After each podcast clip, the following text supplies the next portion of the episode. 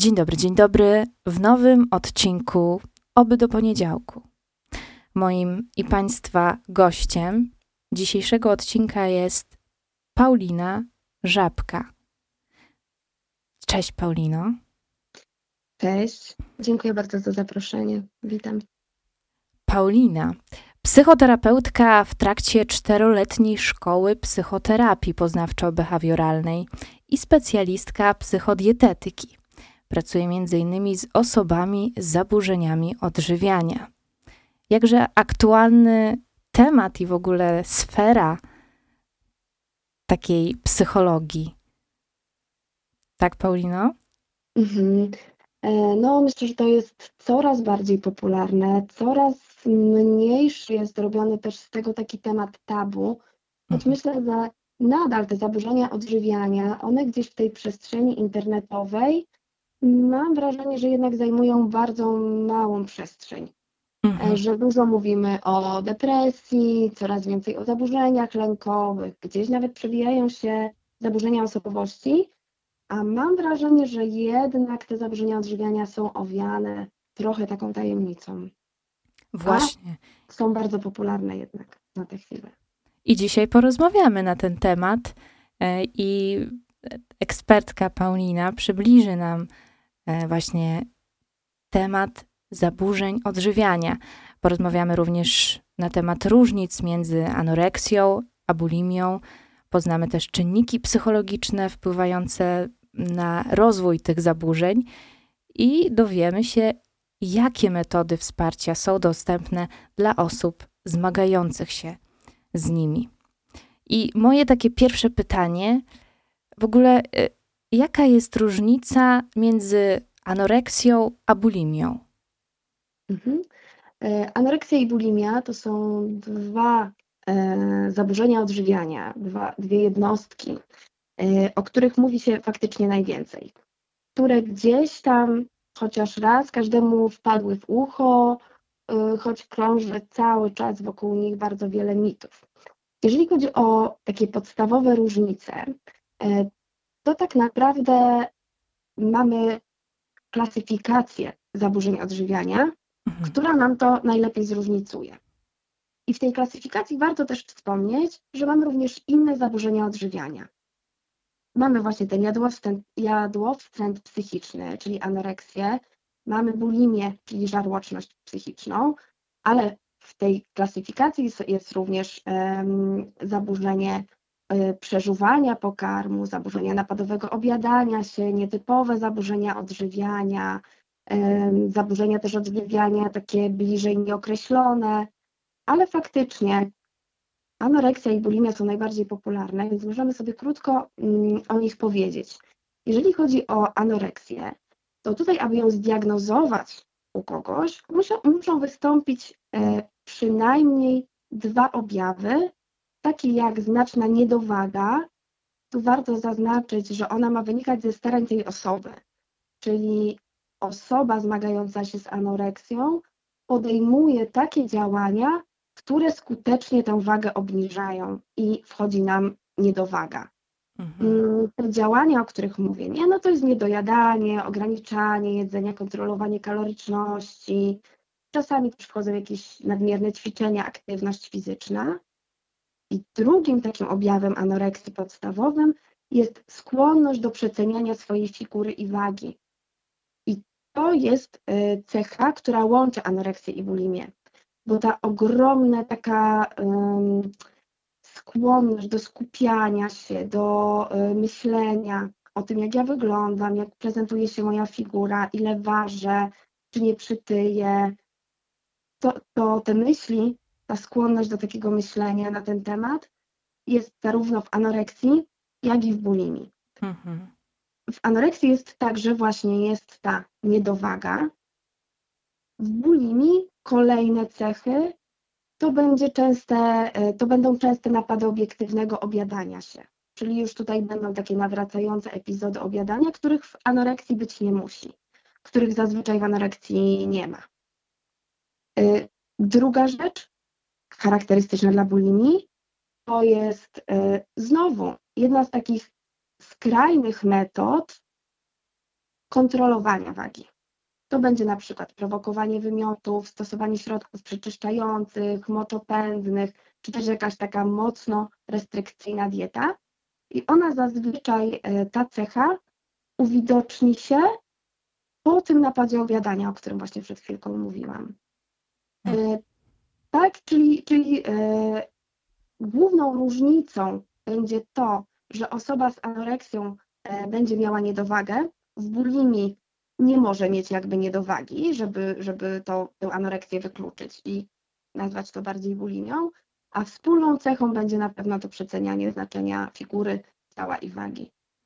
A powiedz, czy tak nawet y, się zastanawiałam teraz, bo zazwyczaj jest taki stereotyp, że anoreksja, bulimia to właśnie osoby takie y, związane z modelingiem, y, które tak y, kurczowo trzymają się tego swojego stanu wewnętrznego, to jak wyglądają, czy raczej mm, coś takiego może napotkać każdą osobę? No niestety, niestety może to spotkać każdego. E, jeżeli chodzi o taką już sklasyfikowaną właśnie, e, sklasyfikowane zaburzenie, w ogóle tutaj też warto wspomnieć przede wszystkim o tym, że takiej diagnozy dokonuje lekarz psychiatra lub psycholog kliniczny, Mm, raczej też, też warto tutaj, myślę sobie, powiedzieć o tym, żeby unikać takiego samodiagnozowania. Mhm. Bo też troszeczkę czym innym będzie to, że ja od czasu do czasu jestem na diecie, czy mam taką skłonność do wchodzenia w jakieś restrykcje, a czym innym będzie anoreksja. Tam to może być cienka granica, ale jednak będzie różnica. Mm, I tak samo z tym napadowym obiadaniem, a takim zwykłym, że o czasem się tam polecę i za dużo zjem. E, ale to, o czym mówisz, że to może dotknąć każdego, to jest mega ważna sprawa. Ja mam takie obserwacje, że to czasami dzieje się u osób, u których z boku w ogóle byśmy tego nie podejrzewali. To są bardzo często osoby wykształcone, które właśnie mm, odbiegają totalnie od tego stereotypu. To nie są osoby, które gdzieś tam e, obracają się w jakichś takich właśnie kręgach modowych. Tam mhm. też, bo tam też jest oczywiście presja na ten wygląd e, i, i to też ma wpływ. Ale, ale to nie tylko to. Teraz jest naprawdę to tak olbrzymi problem dotyczący coraz młodszych y, dziewcząt i chłopców też, bo tu znowu kolejny stereotyp, że to dotyka tylko kobiety. Wcale nie, również mężczyźni w moim gabinecie stanowią duży procent pacjentów.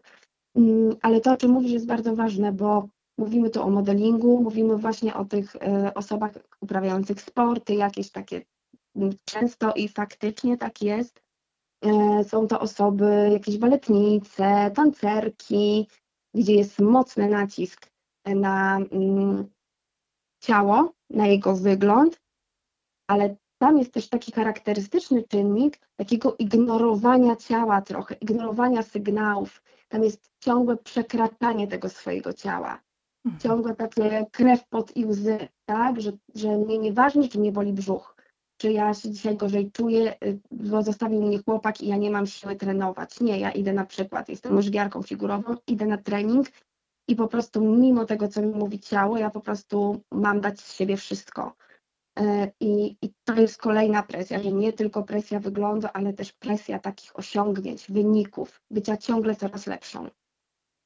A powiedz, co wtedy możemy zrobić? Tak naprawdę, e, jeżeli e, ta osoba, załóżmy, nie zwróci się do lekarza, czy są jakieś takie pierwsze oznaki tego, że załóżmy moja koleżanka czy mój znajomy ma styczność właśnie z anoreksją bądź z bulimią? Mhm. Tutaj na pewno nasza czujność jest super. Jeżeli taka osoba ma wokół siebie taką grupę wsparcia, osoby, na które może liczyć, to jest, e, no to jest, to jest ekstra.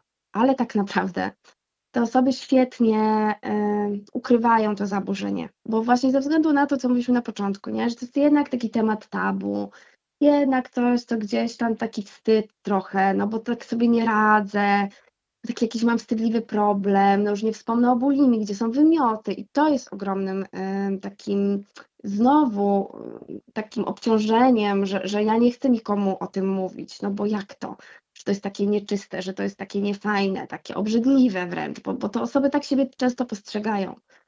Mm, I bardzo ciężko jest otoczeniu to zaobserwować. Czasami najbliżsi rodzice bardzo się obwiniają, że nie zauważyli, mm, ale naprawdę te osoby świetnie uczą się tego, by te, by te, choroby, by te chorobę ukrywać.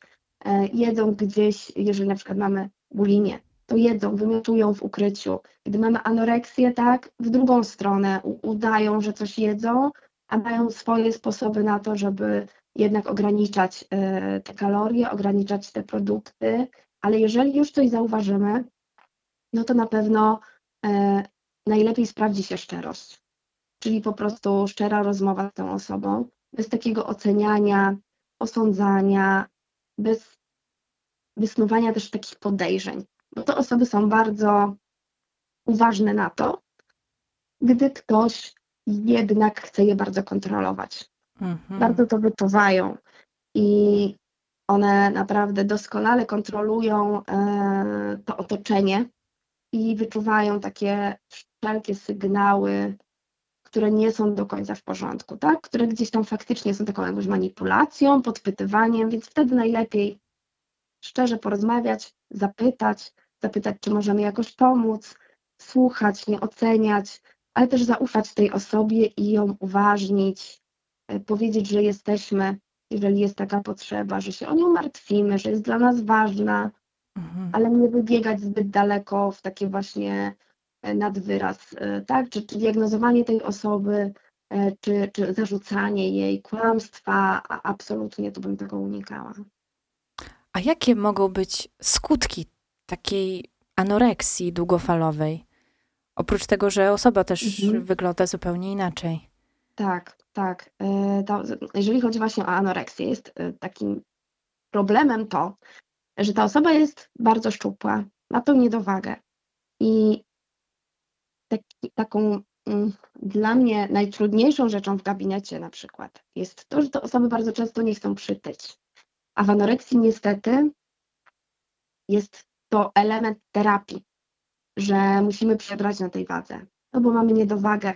Bardzo często są to osoby niedożywione. Ta waga jest naprawdę już tak niska, gdy trafiają do specjalisty, że ona już w tym momencie mocno zaburza funkcjonowanie organizmu. Tak? Gdzieś tam u dziewcząt nie ma, jest już zanik miesiączki, jest nieregularne wypróżnianie, są już jakieś problemy z układem krążenia, już jest rozregulowany układ pokarmowy, wydalniczy i im dłużej w tej anoreksji jesteśmy, im później sięgniemy po pomoc i im dłużej utrzymujemy ten organizm w niedożywieniu, tym gorsze też skutki, tak jak mówisz, długofalowe. I to znowu, to mogą być choroby tak naprawdę każdego z układów. Układu krążenia, metaboliczne, pokarmowy, wydalniczy, roz, rozchwiana gospodarka hormonalna, nieprawidłowe też nieprawidłowości w zakresie układu krwionośnego, zaburzenia czynności tarczycy, tutaj też bardzo, bardzo często, zaburzenia też e, układu immunologicznego, obniżona odporność, a co dalej za tym idzie, to jeszcze zwiększone ryzyko osteoporozy, zaburzenia i zaniki w, w ośrodkowym układzie nerwowym, więc tych skutków jest naprawdę ogrom. One nie są spowodowane tylko niedowagą, e, ale w ogóle wynikają z restrykcji, z restrykcji pokarmowych, z tego, że w, tym, w tych produktach nie ma tych najważniejszych składników. E, ale też jeżeli na przykład już mamy bulimię, no to te formy oczyszczania organizmu, one też będą mm, wpływać niekorzystnie. Mhm. I wtedy y, tak rozumiem, że ta osoba, jak idzie do lekarza, to mhm. ma już określoną dietę, czy oprócz tej diety jeszcze, jak to w ogóle wygląda ta, takie prowadzenie y, takiej osoby przez lekarza specjalistę? E, tak, jeżeli chodzi o e, prowadzenie przez lekarza, to tak naprawdę zależy, e, do jakiego lekarza ta osoba trafi. Mhm. Bo rozumiem, że pytasz tak ogólnie. Tak, tak. Mhm. Jeżeli trafi do lekarza rodzinnego, tak naprawdę lekarze rodzinni już bardzo dużo mogą, bo oni mogą coś zaobserwować, e, zauważyć, że osoba gdzieś tam e, ma tą niedowagę. I bardzo często się tak zdarza, że zalecają podstawowe badania. Drugą formą pomocy jest lekarz psychiatra. I tam, jeżeli trafi dana osoba, to tam już ta diagnostyka będzie szersza. Krzyż lekarzy psychiatrów również odsyła na badania krwi, po prostu podstawowe. Tam się też bada właśnie y, załóżmy tarczycę, jakiś tam cukier i tak dalej. Tutaj nie chcę też tak wchodzić, bo mm, bo myślę, że to lepiej by, by wypowiedział się lekarz, ale są to różne podstawowe badania, charakterystyczne też różne wskaźniki, żebyśmy znali, które tym zaburzeniom odżywiania e, towarzyszą. I lekarz psychiatra przeprowadza wywiad i tak naprawdę już na podstawie tego wywiadu może e, dokonać diagnozy. Są różne testy też diagnostyczne i tak dalej, ale taka jednorazowa wizyta u psychiatry zazwyczaj już nam sprawę wyjaśnia, nazywa i, e, i, i dobry psychiatra również zaproponuje odpowiednie leczenie i poprowadzi e, swoją działkę, ale też zaproponuje gdzieś tam wsparcie innych osób, innych lekarzy, innych specjalistów, terapeuty właśnie. A powiedz, jak to u Ciebie wygląda? Mm, Mówisz już o tym, gdy właśnie trafi do mnie osoba od lekarza psychiatry, czy jeszcze, czy, czy jeszcze wcześniej? A, a i możesz i tak opowiedzieć, i tak, bo to mhm. różne, różne przypadki. E, myślę, że e, też e, słuchaczom byłoby to takie interesujące. Mhm. E, tak. Zdarza się, rzadziej tak naprawdę, że osoba z zaburzeniami odżywiania trafia, trafia w pierwszej kolejności do mnie. Mhm. Jeżeli tak się zdarza, to bardzo często jest tak, że to już nie są czyste zaburzenia odżywiania, tylko tam coś jest jeszcze. Na przykład zaburzenia depresyjne. I tutaj jest bardzo różnie, ale zazwyczaj y, ja również na przykład jestem y, akurat y, psychoterapeutą, który robi bardzo szczegółowy wywiad. U mnie takie wstępne konsultacje, bez względu na to, z czym ta osoba przychodzi, z jakim problemem, z jakimi trudnościami, to te wstępne konsultacje to są zazwyczaj takie trzy spotkania. Ja bardzo chcę poznać tę osobę, pomóc jej jak najlepiej, więc najpierw rozmawiamy sobie o takich też medycznych kwestiach, tych, które gdzieś tam leżą w, mojej, w, moich, w moich kompetencjach jakby. Jeżeli coś się pojawia, na czym się nie znam, to też bardzo często jeszcze gdzieś tam odsyłam żeby się skonsultować. Ale ten wstępny wywiad zazwyczaj nam pokazuje, co się dzieje. W tym wstępnym wywiadzie bardzo często, e, ja, ja zawsze każdego gdzieś tam pytam o dietę, bo mhm. to jest w ogóle bardzo ważne w naszym funkcjonowaniu. Jak ta dieta wygląda, jak ta osoba je, jaka jest regularność posiłków, czy właśnie stosuje jakieś środki odchudzające, jakieś suplementy, bo to też jest taki temat ostatnio bardzo popularny i też niektórzy tych suplementów tam nadużywają i biorą ich mm, bardzo dużo. I wtedy na podstawie tego wywiadu już też można gdzieś wysnuć mm, diagnozę zaburzenia odżywiania. E, jeżeli przychodzi mi osoba już typowo właśnie wysłana przez psychiatrę albo przez e, lekarza rodzinnego, czy przez lekarza innej specjalności, to wtedy e, pracujemy już sobie typowo mm, terapeutycznie. Również najpierw robimy mimo wszystko ten e, wstępny wywiad, rozpoznanie, przyglądamy się historii tej osoby, nie tylko medycznej, ale rodzinnej, środowiskowej. Troszkę wracamy do dzieciństwa, e, do jakichś relacji rówieśniczych, do relacji z ciałem w ogóle. I następnie tworzymy taki już program terapii. Jeżeli chodzi o mm, terapię mm, zaburzenia odżywiania, e, to możemy ją podzielić na takie etapy. I najpierw właśnie jest to, o czym tak tutaj długo mówię, to jest rozpoznanie, określenie celów, plan, a później realizacja planu. Najpierw wchodzimy w takie mm, stadium przygotowawcze. Tutaj po pierwszym krokiem tak naprawdę jest automonitoring, którego pacjenci bardzo nie lubią, Mhm. E, bo e, to jest spisywanie wszystkiego, co e, zjadłam, co wypiłam dzisiaj, co wypiłem.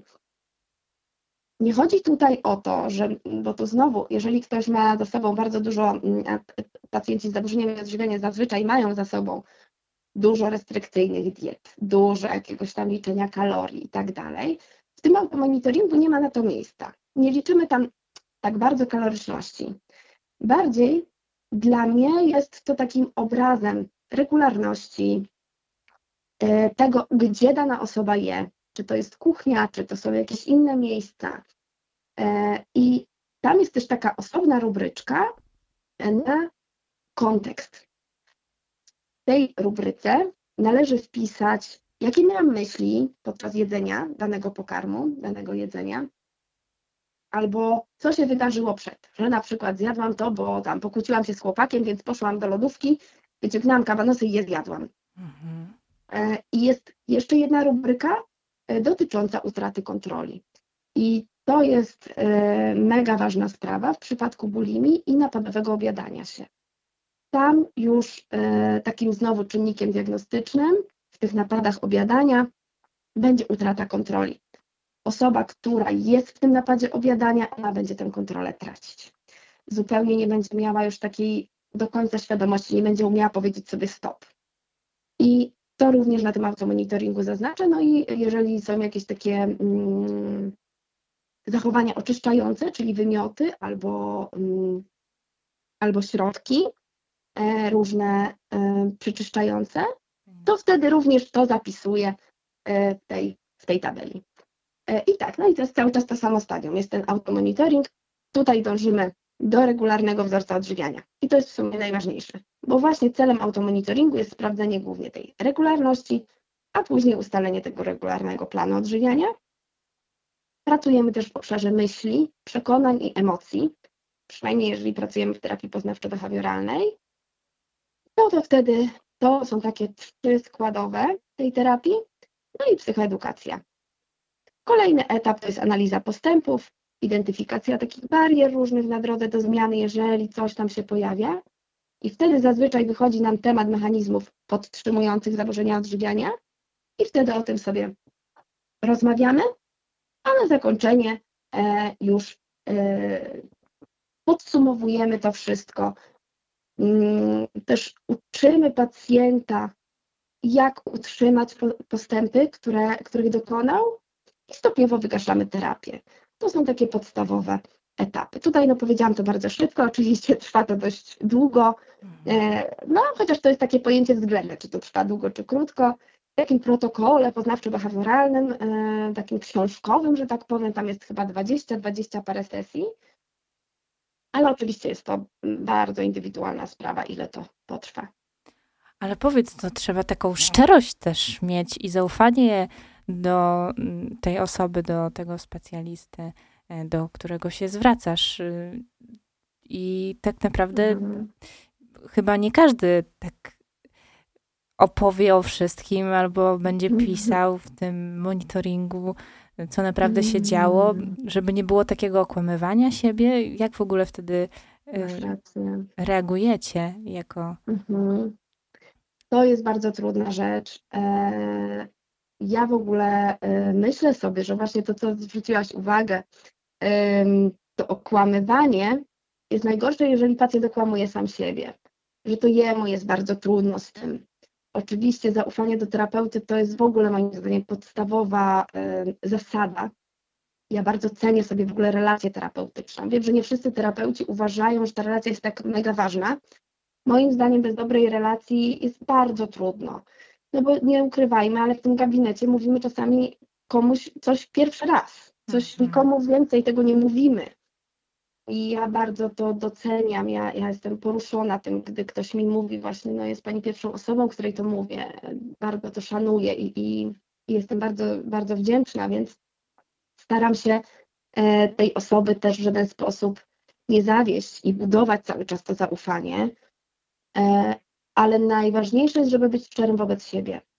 Ja pacjentom czasami to mówię, że nawet jeżeli nie zapiszę w tym monitoringu czegoś, to, to jest gdzieś jego kawałek, to jest jego sprawa, bo on nie musi. Załóżmy, jeżeli jest jeszcze dorosły, no to też e, on bierze część tej odpowiedzialności, a w sumie największą odpowiedzialność za efekty terapii też bierze ta osoba. Niestety e, spotkania terapeutyczne to jest jeden raz w tygodniu, czasami dwa w jakichś takich skrajnych e, przypadkach bardzo trudnych, ale najważniejsze jest to, co się dzieje między sesjami. I wtedy pacjent zostaje sam ze sobą i bardzo ważne właśnie, żeby on wtedy był szczery wobec siebie. Mm, ta, to zaufanie, o którym mówisz, ono bardzo często pojawia się w trakcie. Że pacjent nie mówi, nic nie mówi, nie mówi tam czegoś i na przykład po pół roku terapii wchodzi i mówi, no bo ja nigdy o tym nie mówiłem, ale jest taka sprawa. Tak, no i ja bardzo to doceniam, że w końcu to wypływa, więc, bo to jest taki sukces jakiś właśnie na drodze tego zaufania. E, wiadomo, że lepiej by było, jakby powiedział od razu, ale zawsze podchodzę do tego też tak, że no nie był gotowy, gdzieś tam trudno było, bo to są zazwyczaj trudne sprawy jakieś, e, których no wiadomo, że no jest wstyd jakiś tam się pojawia, jakieś takie skrępowania albo właśnie brak zaufania, że gdzieś tam ten terapeuta oceni w jakiś sposób, e, ale super, jeżeli w końcu gdzieś tam się pacjent przełamuje i, i, i w końcu mówi, jaki jest naprawdę. A powiedz, miałaś mm, taką historię e, albo takie doświadczenie w swojej pracy, które mhm. do dzisiaj pamiętasz, albo osoba, która do dzisiaj dziękuje, pisze, mhm. jakoś tam po prostu jest wdzięczna, tak, za to, mhm. że zmieniłaś um, jej życie. Mam takie przypadki, y, ale ja powiem też tobie, że ja pamiętam wszystkich pacjentów. Mm, czasem o nich myślę, jak już, mimo że już nie są w terapii, to gdzieś tam przychodzą mi przez głowę i sobie, o ciekawe, co tam u pana Pawła na przykład, mhm. jak sobie tam radzi. I, I każdy pacjent na swój sposób gdzieś tam tą wdzięczność wyraża. Mm, są pacjenci, którzy znikają, to też trzeba powiedzieć, że, że są pacjenci, którzy znikają albo w trakcie terapii. E, zazwyczaj są to pacjenci, którzy właśnie nie kończą terapii i gdzieś tam ulatniają się i, i nie mam z nimi kontaktu i też na, nie naciskam ten kontakt, bo to znowu jest też ich gdzieś tam sprawa i mają prawo. Y, ale ci, którzy kończą i dotrwają do końca, no tych, tych słów wdzięczności jest bardzo dużo. One są już w trakcie terapii. One są już wtedy, że ja widzę, jak bardzo się zmieniłam, y, że ja widzę, że zupełnie inaczej reaguję, Mm, albo że taką, taką rzeczą e, mocno mnie wzruszającą jest to, że jak są w jakichś trudnych sytuacjach, to mówią sobie, no ale wie pani, pomyślałam sobie, co by pani mi wtedy powiedziała. Hmm. I gdzieś ten głos mój gdzieś tam towarzyszy, no więc to jest takie bardzo miłe. Mm, I, i, i, są takie, takie dowody wdzięczności, one są bardzo, bardzo miłe i myślę, że bardzo też potrzebne terapeutom, tak już mówiąc też z naszej perspektywy, bo gdzieś właśnie, tak jak wspomniałam, jest zawsze takie poczucie, że a, mogłam lepiej, mogłam lepiej um, i mogłam inaczej i jeszcze mogłam coś temu pacjentowi dać, a te najmniejsze oznaki tej wdzięczności i takiego docenienia są, są, są szalenie miłe i, i czasem bardzo zaskakujące, bo ci pacjenci czasami doceniają takie rzeczy, których właśnie nie ma w książkach i których nie ma w protokołach, tylko coś tam się mhm. powie i to w nich zostaje, więc no jest to, jest to super, super moc. A powiedz jeszcze, bo mm, teraz tak naprawdę w naszym świecie medialnym spo, mhm. społeczeństwo trochę też się pozmieniało i jak w ogóle y, media wpływają na i, i jaką rolę też media mają w propagowaniu takiego idealnego wyglądu i też rozwijaniu takiego zaburzenia odżywiania, tak? Czy istnieją jakieś badania naukowe E, które potwierdzają, na ile e, wpływa e, ten trend teraz tych telefonów i mhm. internetu na tą rosnącą liczbę zaburzeń. Mhm. No, to jest bardzo, bardzo obszerny temat. Tych badań faktycznie jest coraz więcej. Bo w ogóle coraz bardziej badamy te wszystkie social media, jak one na nas wpływają, internet, mm, a przede wszystkim nadużywanie tego. Bo ja gdzieś jestem zdania, no, że wszystko jest dla ludzi. I dla nastolatków, tak, bo nastolatkowie też, też, też ludzie. Mhm. I jak najbardziej uważam, że, że nie chodzi o to, żeby mm, odcinać się od tego, ale właśnie korzystać z tego w taki rozsądny sposób. To nie, nie same media tak naprawdę przyczyniają się do takiej, bo, bo to o czym mówisz, nie, to jest taka trochę e, skutek tego wszystkiego, no to jest tak zwana obsesja piękna. I, i media społecznościowe, czy w ogóle media y, same w sobie, one nie są y, taką bezpośrednią przyczyną tej obsesji piękna, ale z pewnością rozwój portali internetowych, pojawienie się Instagrama, Facebooka ma ogromny wpływ na to, jak postrzegamy siebie. Bo tam ten świat realny, on tak ciągle jest taki niedościgniony. Tylko, że tak naprawdę jako, jako jednostki takie żyjące w społeczeństwie, w ogóle w społeczeństwach panowały jakieś kanony piękna zawsze. Tak, gdzieś tam barok, no to było, była taka sylwetka, gdzieś zawsze było to na obrazach, na tym, na tamtym. I, i były zupełnie inne te kanony piękna. Teraz jest trochę inaczej. Teraz gdzieś tam promowana jest powiedzmy sylwetka wysportowana i szczupła, ale obsesja piękna od zawsze była tak naprawdę napędzana kulturą, która koncentruje się na wyglądzie bardziej niż na słowach, niż na czynach, niż na osobowości. I tak jak dziś rozmawiamy właśnie o tych zaburzeniach odżywiania, no to na pewno takie niepohamowane dążenie do idealnego wyglądu, napędzane właśnie przez media, e, promowanie takich idealnych sylwetek może prowadzić do tego, że te zaburzenia odżywiania gdzieś u kogoś się pojawią. Ale to znowu nie jest taka prosta e, jakby zależność, że social media i od razu zaburzenia odżywiania. Mhm. Nie? To polega na tym, że po prostu im więcej mówimy o ciele, im więcej mówimy o wyglądzie, im więcej pokazujemy ideałów, tym bardziej pojawia się w nas poczucie, że no my nie jesteśmy tym ideałem, no nam jeszcze tam czegoś brakuje. No trudno nam zaakceptować siebie, jak wszyscy dookoła są tacy piękni i idealni w tym internecie. I wchodzimy właśnie w tę skrajną dbałość o wygląd, o której mówiłam na początku, mówiąc o tych wytycznych tak naprawdę y, danego zaburzenia. Tak? I tam jest właśnie ta koncentracja na wyglądzie, koncentracja na ciele, taka nadmierna, że ja potem przez większość dnia myślę o tym, jak wyglądam, nie myślę o innych rzeczach, tylko o tym wyglądzie. No i gdy już mi wchodzi taka, y, taki objaw, można powiedzieć, że tych myśli jest tak bardzo dużo na ten temat i jeszcze do tego dochodzą czyny, czyli bardzo dużo czasu spędzam w łazience, y, na siłowni, przygotowując sobie super zdrowe posiłki, no to już wtedy od y, zaburzeń odżywiania tak naprawdę dzieli nas niewiele. I, I coraz bardziej to widzimy, coraz szybciej też jest nam, coraz szybciej w to wchodzimy, no i w coraz młodszym wieku, bo coraz młodsze dziewczynki mówią o tym, że marzą na przykład, żeby być szczuplejsze i tutaj też mamy ogrom badań na ten temat, że po prostu już pięcioletnie dziewczynki mają jakąś tam wizję idealnej kobiety i chcą w jakiś sposób wyglądać. Więc to, to na pewno media społecznościowe mają na, na, na nie wpływ na to wszystko. E, ale też już wcześniej, tak, telewizja, czasopisma, reklamy, billboardy, tam wszędzie były te idealne ciała.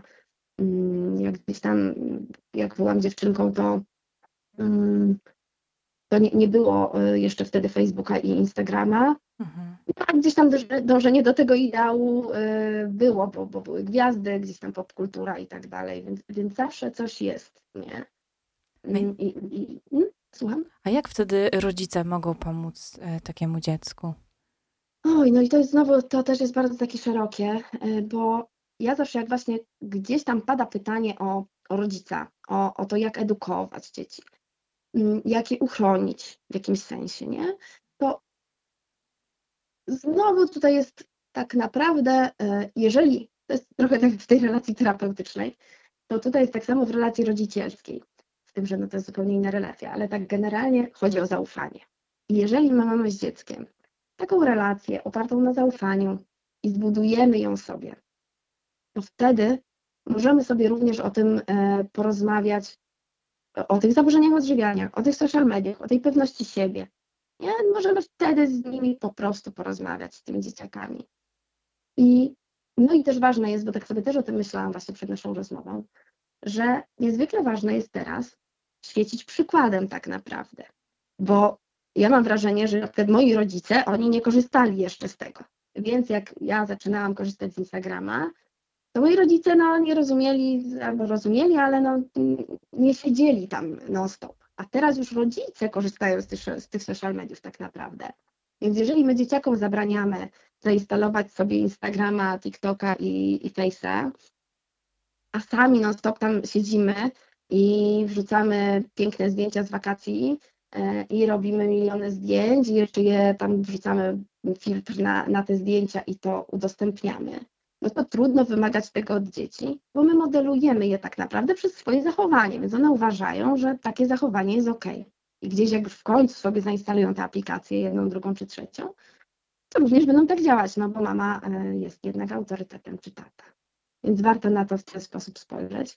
No i oczywiście rozmawiać z dzieciakami, tak, pokazywać alternatywy, e, zaproponować też obserwowanie kont, które na przykład mogą pozytywnie wpływać na rozwój dziecka. E, dyskutować nawet na, na temat różnych postaci, tak? Znowu nie robić z tego tematu tabu, tylko jeżeli ja mam taką czy taką influencerkę, to możemy sobie o niej porozmawiać, e, jak my ją widzimy, czy właśnie jest autentyczna w tych social mediach, czy niekoniecznie. Mówić o zagrożeniach płynących z tych udostępnianiu, z tych, z tych treści, które tam udostępniamy. No ale też znowu zrównoważyć i mówić też o tym, co mądrego y, może nam dać, co dobrego tak, może nam dać mądre korzystanie z internetu.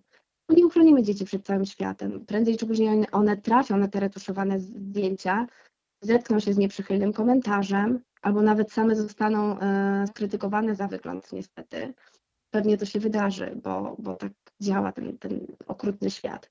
I warto wtedy od najmłodszych lat po prostu rozwijać w dzieciach samoświadomość, rozmawiać o ciele, o zmianach, jakie w nich y, zachodzą w tym ciele, ale też wspólnie doceniać takie zasoby tego ciała, bo to jest też i, i dzieci się tego uczy, ale i dorosłych. Ja w gabinecie często mamy ten temat. Mhm. To ciało, ono nie jest od tego, żeby wyglądać, nie, tylko ono nam tyle daje, My tyle możemy dzięki niemu zrobić i, i docenić je bardziej za te jego funkcje zupełnie inne niż wygląd, że my mamy dbać o to ciało, ale nie po to, żeby ono tam się komuś podobało.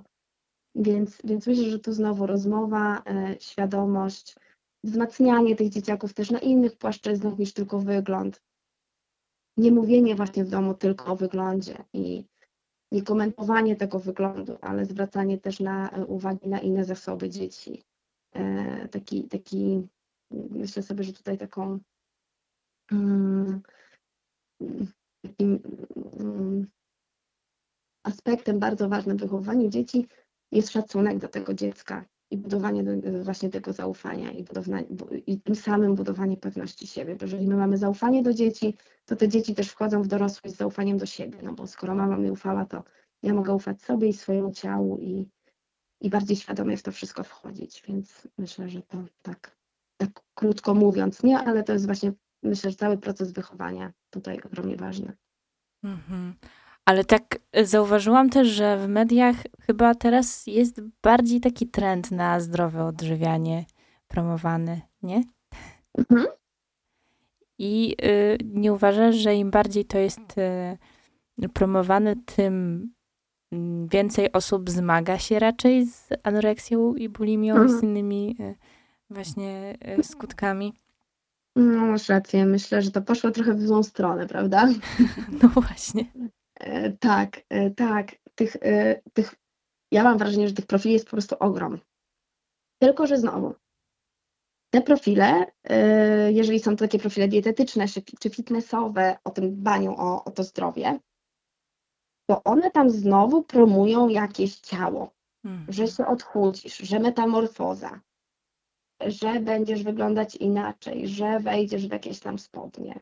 I tak naprawdę, jak tak sobie pójdziemy e, łańcuszkowo, no to dojdziemy, przepraszam, dojdziemy do tego, że y, będziesz szczęśliwa, jak będziesz tak wyglądać.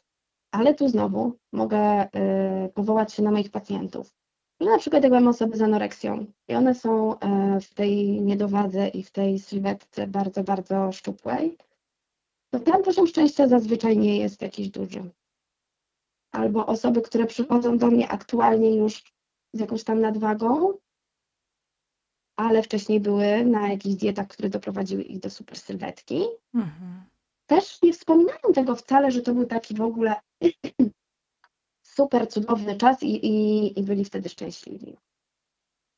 E, ale no oczywiście media tak nam to przedstawiają, jako takie jakieś krainę mlekiem i miodem płynącą, ten, ten moment, że będziemy tacy szczupli. I mam takie właśnie mieszane uczucia. No bo z jednej strony super, że my to promujemy.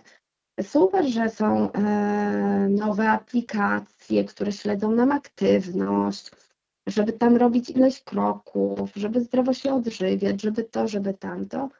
Tylko wtedy, tak jak zaobserwowałaś, do tych zaburzeń odżywiania jest niedaleko. No bo jeżeli trafi, te treści trafią na osobę taką podatną na to, mhm. to ta osoba wejdzie w to za bardzo, tak? I ona nie weźmie Aha. dla siebie tylko trochę.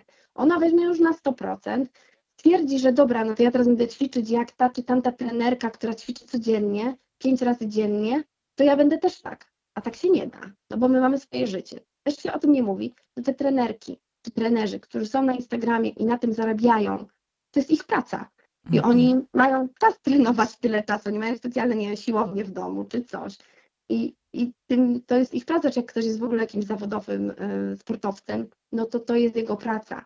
A jeżeli my mamy pracę, szkołę, e, obowiązki, dzieci, cokolwiek, no to wtedy nie da się po prostu tak, żeby tam jak y, tam ktoś z tego Instagrama tyle czasu na tej siłowni spędzać, no bo ucierpi nasze życie towarzyskie, rodzinne, jakieś relacje, czy po prostu nie zdążymy się y, zregenerować. No ale łatwo jest wpaść w tą pętlę tego, e, tak, ulec tej presji, tego idealnego wyglądu, no bo skoro na Instagramie tak jest, no to się da. Mhm. Tylko jakim kosztem e, i, i dokąd to prowadzi i, i po co? I, I to jest takie, myślę sobie, ważne pytanie. Dlaczego ja to robię? Dlaczego ja chcę tak na tą siłownię? Dlaczego ja chcę tak się zdrowo odżywiać?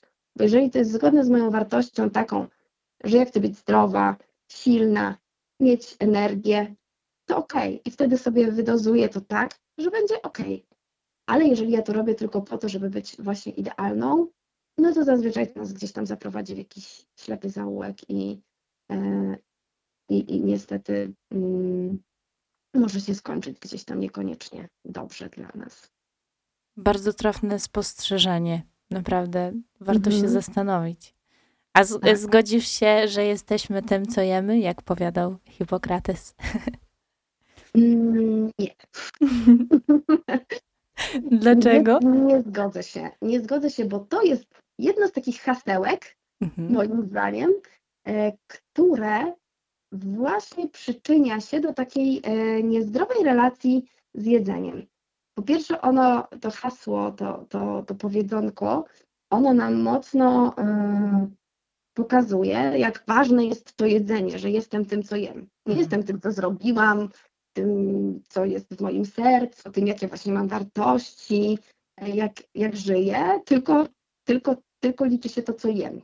Mhm. To jest od razu takie mocno dla mnie y, takie narzucające i takie przyklejające łatkę, że skoro zjadłam to czy tamto, no to jestem taka jak to jedzenie, czyli co, tłusta, brzydka, śmierdząca, tak? I to jest okropne. I później w gabinecie słyszę właśnie takie epitety kierowane pod swoim kątem.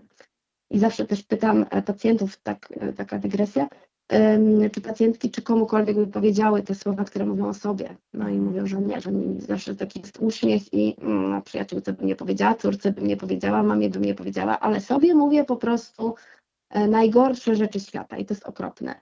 I, i to mam, nadzieję, mam wrażenie, że do tego prowadzi to hasło i inne, że tam zawsze były te hasełka takie, że tam pij mleko, będziesz wielki, cukier krzepi mhm. i mnóstwo innych, które gdzieś tak znowu to jedzenie nam wrzucają na taki piedestał, że to jest w ogóle takie, takie ważne i to nas określa, że po prostu to jedzenie nas określa. A jedzenie nas nie określa, ono jest naszym paliwem, ono pełni funkcję energetyczną, mm, ale ono też ma pełnić na przykład funkcję przyjemności. I to, że ja sobie coś zjem czasami y, takiego, co gdzieś może być postrzegane jako niezdrowe, to nie znaczy po pierwsze, że tym jestem i tym się nagle staję, e, a po drugie to nie znaczy, że nie wiem, że już je takie zero-jedynkowo, że już się niezdrowo odżywiam, bo ja mogę sobie zjeść burgera, czekoladę, e, czy nie wiem, napić się jakiegoś słodzonego napoju I to nie przekreśla jakby całej, całego mojego sposobu odżywiania, czy mojego w ogóle życia, tak? A, a tutaj te, takie właśnie tego typu hasła, one dają nam znowu, znowu tą presję, mm -hmm. że po mhm. prostu ja nie mogę nic, bo to jest tak, tak znaczące, co ja tam zjem. Czy możemy wtedy powiedzieć, że jedzenie to jest takie dopełnienie do naszego mm. życia? Y, to zależy z jakiej strony na to spojrzymy. Bo jeżeli spojrzymy na takie ogólnie, jeżeli mówimy właśnie o życiu, to to, to brzmi tak ok. Mhm. Tylko też warto pamiętać, że jedzenie jest naszą podstawową potrzebą. I wtedy, no to, to jest podstawa. Mhm. Nie tylko dopełnienie, ale podstawa. I od tego musimy zacząć. Nie? No najpierw mamy te podstawy, te potrzeby fizjologiczne. Więc e, jedzenie musimy jeść, żeby żyć po prostu. E, tylko no może nie musimy, e, bo to jest właśnie to też gdzieś słyszałam, że jeść, żeby żyć, a nie żyć, żeby jeść. Hmm. Więc, więc może tutaj to jest jakieś tam e, bardziej do mnie przemawiające. Chociaż znowu, jak spojrzymy na to tak głębiej, e, no to życie dla mm, przyjemności z jedzenia też jest jakimś e, jednym z aspektów, dla których warto żyć, tak sobie myślę, mhm. żeby te doznania smakowe i, i zmysłowe czerpać z tego jedzenia, więc więc tak, coś mi uciekło pytanie, nie wiem, czy na nie odpowiedziałam, bo też popłynęłam chyba. Czy jedzenie jest dopełnieniem? Odpowiedziałam. jest dopełnieniem, no. No, no to myślę, myślę, że jest potrzebą podstawową, warto ją zaspokajać, ale warto też ją potraktować jako dopełnienie do, takiego, do takich pełnych doznań e, zmysłowych, tak sobie myślę. Mm. I na tej pięknej puencie chcę podziękować naszej wyjątkowej ekspertce za taką rozmowę, za, za, taką rozmowę i cenne spojrzenie na temat e, zaburzeń odżywiania. Mam nadzieję, że ta audycja była dla Państwa pouczająca, inspirująca. I, I, zachęcamy do śledzenia naszej stacji radiowej, też do, e, zachęcam do śledzenia e, Pauliny na Instagramie i do usłyszenia w kolejnych audycjach. Dziękuję bardzo, dziękuję bardzo za e, zaproszenie, za rozmowę e, i, i mam nadzieję, że słuchacze wezmą z niej, z niej coś dla siebie i będzie dla nich wartościowa. Dziękuję. Dziękuję bardzo i oby do poniedziałku.